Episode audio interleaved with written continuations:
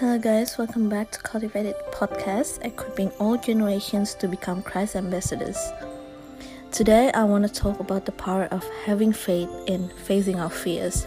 I'm sure that everyone who's listening to this right now has actually faced a moment in their life when you get worried about things. It might be a fear of not getting the job that you wanted, or fear of being judged and disliked by um, your friends or your community, or even fear of getting a bad mark on your exams or assignments. Um, it can also be a fear of losing someone that you care about. So there are actually a lot of fears that surrounded our daily life, and um, sometimes these fears actually become a part of our daily life as well. And I'm sure that everybody has struggled with fears at one point in their life. And sometimes what we don't actually realize is that fear is not even real, it's actually something that appears in our head. It's actually only in our imagination and it tends to manipulate the way that we feel and act. A lot of times, what we fear of hasn't actually even happened yet, but they made us so anxious to the point that we can't even think straight anymore. I can speak about this because I've experienced this a lot in my life before. I used to um, also struggle with anxiety and fears to the point that um, I feel like I can't breathe and I feel like I can't actually keep going on with my daily tasks. And when I did, I actually felt like I want to run away from God, from the people um, closest to me as well. Because I always thought that as a child of God, I should not actually experience this kind of things. So I feel like I'm so unworthy to even come to God and face my fears. I felt like something inside me is actually not right, and that's why I'm experiencing this fear and I have to go through this process. But truly, um, God actually reminded me over and over again that hidden in our fears is actually the faith that we're searching for. If we want to experience His freedom, we need to stand in our fears and pain. We need to stand even when everything inside of us tell us to withdraw and run away from His protection. Because what you don't realize is that He is the only one who can give us the strength that we need to face our fears.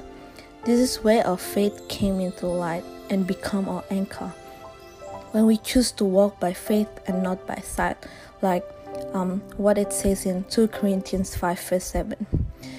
That's when we decided that we will not allow what we could not understand destroy us and our faith. Even if it does not make sense sometimes, knows that His ways are actually higher than our ways, and He is a trustworthy God. Um, I really like this verse from Isaiah 55, verse 9. For just as the heavens are higher than the earth, so my ways are higher than your ways, and my thoughts higher than your thoughts. Sometimes um, God let um, things happen in our life that maybe we don't understand at that point, but believe it that whatever happens in your life, it's a process, it's a journey with God. It's a journey where He want to bring you even closer to Him and even deeper with Him. So, when facing our fears, what we need is not actually deliverance, but it's knowing the truth. The devil will always try to make us believe that we're we have been saved by grace, but we have not actually been delivered yet from our sins or fears. But that's actually a lie because when Jesus bought us with his blood, he has paid the price in full. He has saved us and also delivered us from our sins, past mistakes, guilt, shames, fears, whatever you want to call it. His blood has actually delivered us from the bondage of sins and fear. So don't be deceived by our feelings, but have faith in the truth that comes from God. So when you pray, truly pray in faith instead of praying out of your fears, instead of praying um, for deliverance.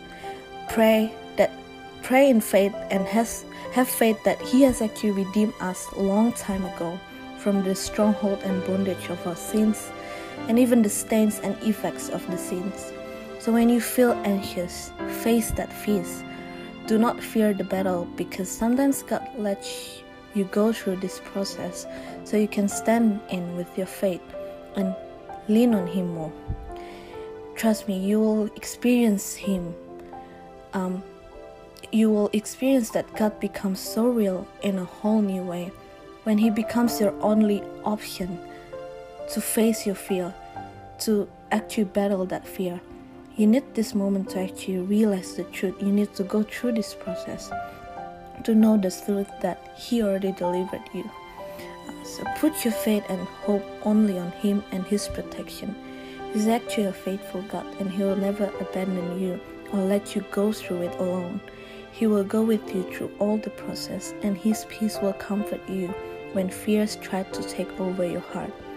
It is normal for us humans to have fears in our life, but when we know the truth and we put our faith in Him only, we know that nothing else can actually have a hold in our life except Him. And before I close, I just want to share this verse that has actually become my anchor as well when um, I f- feel worried about things, which is Psalm 23, verse 4. Even when I walk through the darkest valley, I'll not be afraid, for you are close beside me. Your rod and your staff protect and comfort me. So that's all for today. Um, hope you will be blessed with um, this sharing as well, and um, stay tuned for our next podcast. Bye. Terima kasih sudah mendengarkan podcast kami. Share podcast ini kalau menurut kalian memberkati. Cultivated Podcast tersedia di Spotify dan YouTube dan kalian bisa cek juga Instagram kita di cultivated.podcast. Terima kasih.